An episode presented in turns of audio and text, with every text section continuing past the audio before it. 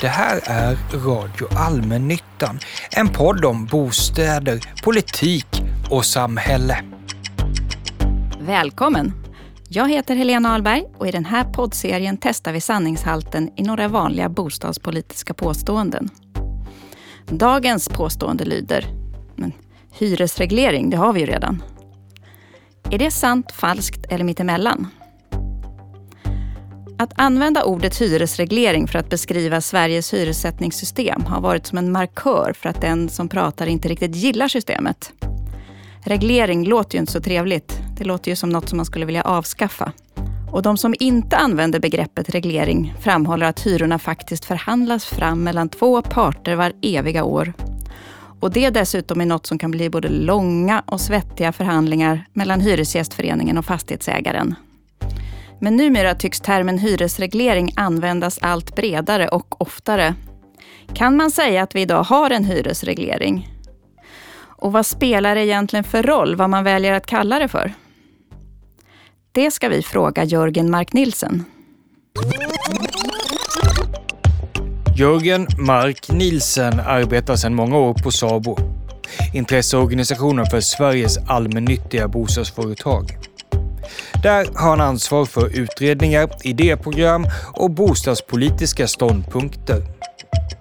Han har tidigare på regeringens uppdrag utrett både hyressättningssystemet, allmännyttan och den kommunala demokratin i tre olika statliga utredningar. Välkommen till Radio Allmännyttan, Jörgen Mark Nilsson. Tack så mycket. Idag ska vi prata lite grann om hur hyran sätts i hyreshus här i Sverige. Hyresreglering, det har vi ju redan i Sverige, hör man ofta. Stämmer det? Ja, Sverige har ju under de senaste hundra åren haft både marknadshyra, och hyresreglering och bruksvärdeshyra. Hyresregleringen den fasades ut på 1970-talet och ersattes av bruksvärdesystemet. Eh, lagen om avveckling av hyresregleringen den trädde i kraft 1975 och därefter har vi inte haft någon hyresreglering.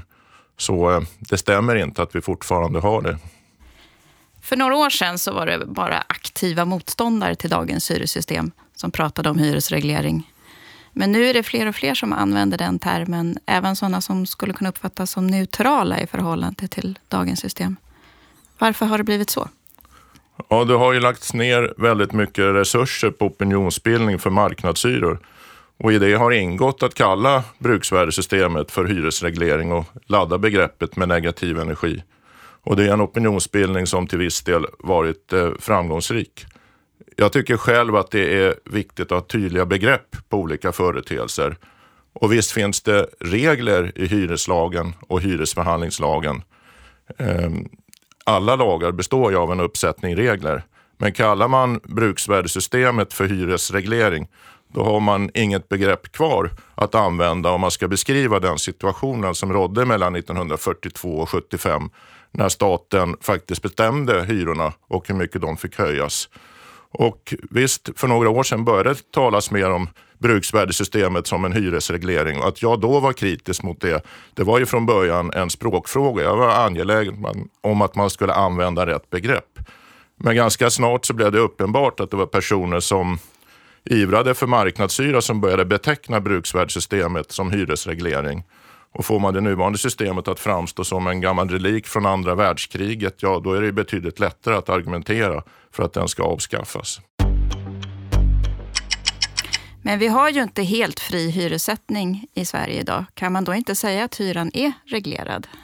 Jag tycker inte riktigt det.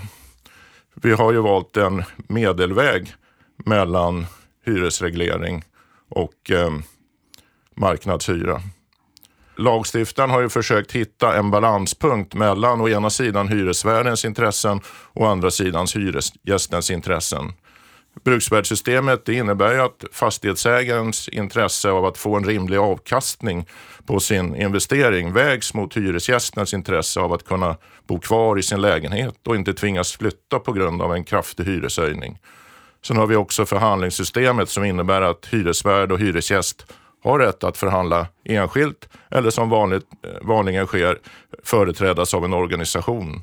Och möjligheten att företrädas av en organisation den har ju störst betydelse för hyresgästerna eftersom den kompenserar dem för det underläge som enskilda hyresgäster annars skulle ha gentemot fastighetsägaren. Men hyresreglering, är det bara statlig hyresreglering? Är det det som ligger i begreppet? Kan inte hyresreglering vara något annat än en statlig hyresreglering?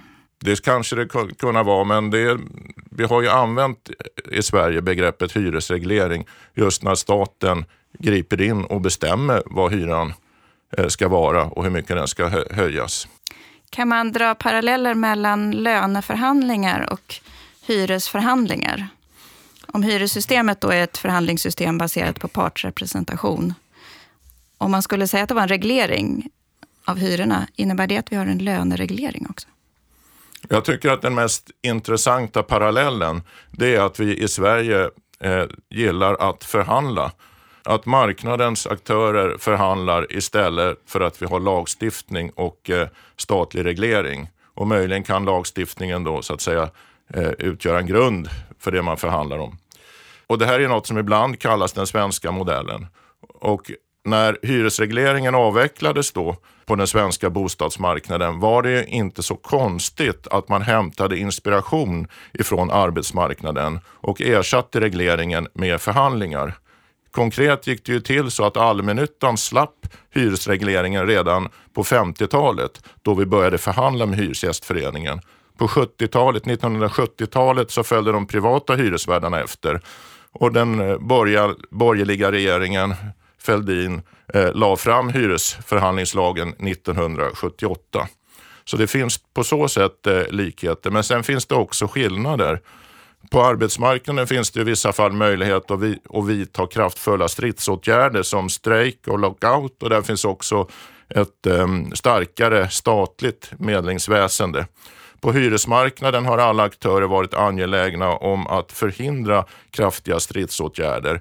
Det är länge sedan vi hade någon hyresstrejk eller någon vräkning eh, i förhandlingarna så att säga. Och inom allmännyttan så tar vi själva hand om medling av tvister utan statlig inblandning. Men fastighetsägarna upplever ju nu ofta ett underläge i förhandlingarna. Hyresgästföreningen har ju i princip veto i förhandlingarna, brukar de säga. Alltså att Hyresgästföreningen har mindre skäl att komma överens i förhandlingarna och kan dra ut på det hur länge som helst. Är det så? Alltså fram till 2011 var allmännyttans hyror eh, normerande. Det fanns inga regler som sa att eh, de privata hyresvärdarna behövde ha exakt samma hyra. Men det utvecklades med åren en praxis som innebar att de privata hyresvärdarna åkte snålskjuts på allmännyttans hyreshöjningar. De följde efter och tog ut samma hyreshöjning utan att egentligen behöva anstränga sig. Man behövde bara hänvisa till allmännyttans hyror och man slapp den kritiska granskningen i pressen till exempel. Då. Fastighetsägarna var ju inte nöjda med detta utan eh, kämpade mycket hårt för att bli vad man kallade en fullvärdig förhandlingspart, vilket man också blev eh, med reformen 2011. Och man trodde då att man ganska snabbt skulle kunna förhandla upp hyrorna, men hamnade i samma tuffa och många gånger sega förhandlingsklimat som allmännyttan kämpat med i många år. Och det är ju så att eh, för att en höjning ska kunna genomföras så måste man ha en överenskommelse. Och det är klart att det där kan då eh, upplevas som ett slags veto. Det har vi även upplevt inom allmännyttan. Om det då finns en slags medlingsinstitut på den allmännyttiga sidan, borde det inte finnas någon medlingsfunktion på den privata sidan också? Ja, vi har ju Hyresmarknadskommittén och jag tänker att man skulle kunna åstadkomma något liknande på den privata sidan. Man skulle ju också kunna tänka sig att ha något eh, offentligt tvistlösningsorgan som är gemensamt för branschen. Men det är en sak som återstår att diskutera hur i så fall det skulle fungera. Både Moderaterna och Kristdemokraterna har formuleringar om hyresregleringen i sina bostadspolitiska programformuleringar. Är de bara oupplysta som inte vet hur det egentligen ligger till?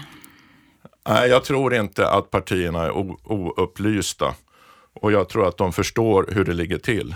Men det är ju så att eh, den här kampanjen för att sätta etiketten hyresreglering på både bruksvärdessystemet och förhandlingssystemet, den har gjort avtryck på många håll i politiken och det bidrar inte till klarhet. Då är det ju intressant att titta lite mer på vad de egentligen säger, eh, partierna. Till exempel så eh, nämnde du Moderaterna och Kristdemokraterna. Och eh, man tittar på eh, vad Moderaterna eh, säger så är det en förändring jämfört med hur man tidigare uttryckte sig. Men vad det konkret innebär återstår att se. Jag noterar att man skriver att hyresregleringens utformning orsakar problem. Man skriver inte att hyresregleringen ska bort utan man, det handlar om hur reglerna är utformade. Man skriver också att eh, hyresgästens villkor och ställning ska värnas om man vill se en blocköverskridande överenskommelse och man vill se en ansvarsfull infasning av ett nytt och mindre reglerat hyressättningssystem. Och när det gäller Kristdemokraterna så skriver till exempel Caroline Schuber att eh, reformen måste ske varsamt. Det är viktigt att konsumenten står stark med ett tydligt besittningsskydd. Hon skriver också att på hyresmarknaden måste lagstiftningen utformas efter sociala hänsyn. Och jag har uppfattat att alla partier vill att det ska byggas mer och särskilt hyresrätter, men man har lite olika recept på detta. Men samtidigt, var tredje invånare ungefär i Sverige bor i hyresrätt, så jag tror inte att något parti har råd att lägga förslag som innebär att balansen mellan parterna på bostadshyresmarknaden tippar över ända till hyresgästernas nackdel. Många brukar hänvisa till Assa Lindbeck och hans beskrivningar av hur det gick till när hyresregleringen skulle avskaffas i slutet av 60-talet. Varför är det fortfarande en levande fråga? Ja, det är ju för att han eh, citeras ofta i debatten. Han är en känd nationalekonom som har jobbat länge med hyresfrågan och man, han skriver om det här i, i, sina memoarer till exempel. Jag har själv svårt att förstå varför han inte ser skillnaden mellan hyresreglering och bruksvärdessystemet. Om jag får göra en liten utflykt tillbaka 50 år i tiden så var det ju så att man under 60-talet hade jobbat för att eh, ta bort hyresregleringen och försöka hitta ett bra alternativ. Man hade kommit överens, utredarna och eh, Hyresgästföreningen och Fastighetsägarföreningen om en kompromiss som skulle eh, innebära bruksvärdessystemet. En kompromiss mellan avtalsfrihet och besittningsskydd. När regeringen sen lade fram den här propositionen om bruksvärdessystemet så visade det sig att de stora partierna på den borgerliga sidan, Folkpartiet och Centerpartiet, inte var med på noterna. De tyckte att eh, förslaget skulle vara alltför ofördelaktigt för hyresgästerna. Eh, då hade Socialdemokraterna endast högerpartiet med sig på den här reformen och man ville ha en bredare överenskommelse och drog man då tillbaka propositionen som redan låg på riksdagens bord. Det här blev en jättenyhet i tidningarna den 6 december 1967. Dominerade framsidorna i både Svenska Dagbladet och Dagens Nyheter. Det är inte så ofta bostadspolitiken dominerar ettan på Nej, de stora tidningarna. Jag undrar om det har hänt. Det är drygt 50 år sedan och jag undrar om det har hänt någonsin därefter.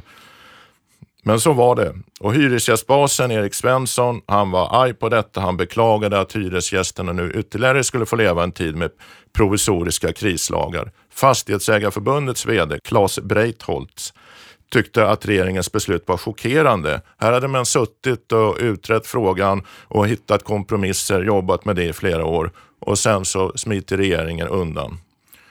I sina memoarer så beskriver Assar Lindbeck detta. Han berättar om när Gunnar Sträng ringer till Tage Erlander och säger att den här behöver vi dra tillbaka. Och sen skriver han att den drogs tillbaka och så, på så sätt blev hyresregleringen kvar. Men det stämmer ju inte. För även om det stämmer att regeringen drog tillbaka den propositionen i december 1967 så återkom man med samma proposition några månader senare. Och det enda som hände var ju eh, egentligen att bruksvärdessystemet infördes ett år senare, nämligen 1969 istället för 1968, precis som det var tänkt från början. Och Fast... visst var det en stor förändring, för annars hade ju knappast tidningarna eh, på först, första sidorna och ledarsidorna eh, beskrivit denna nyhet så stort och uppslaget som man gjorde då 1967. Men det faktum att han beskriver hur hyresregleringen inte avskaffades, sätter det fortfarande avtryck bland de som säger att vi idag har en hyresreglering? Det finns ju en del som eh, gärna citerar eh, Assar Lindbeck eftersom han är en känd och duktig nationalekonom. Och då är det klart det har betydelse. Om vi inte då kallar det hyresreglering, hur skulle du beskriva att hyrorna sätts i Sverige idag? Ja, nästan alla hyror sätts genom förhandlingar. I de flesta fall mellan hyresvärden och Hyresgästföreningen. Eh, ett fåtal hyror fastställs av hyresnämnden när man har gjort en bruksvärdesprövning. Jag skulle beskriva det som ett sätt att eh, hitta en balans då mellan eh, hyresvärden och hyresgästens intressen. Man kan säga så här att eh, det var en stor reform när den infördes.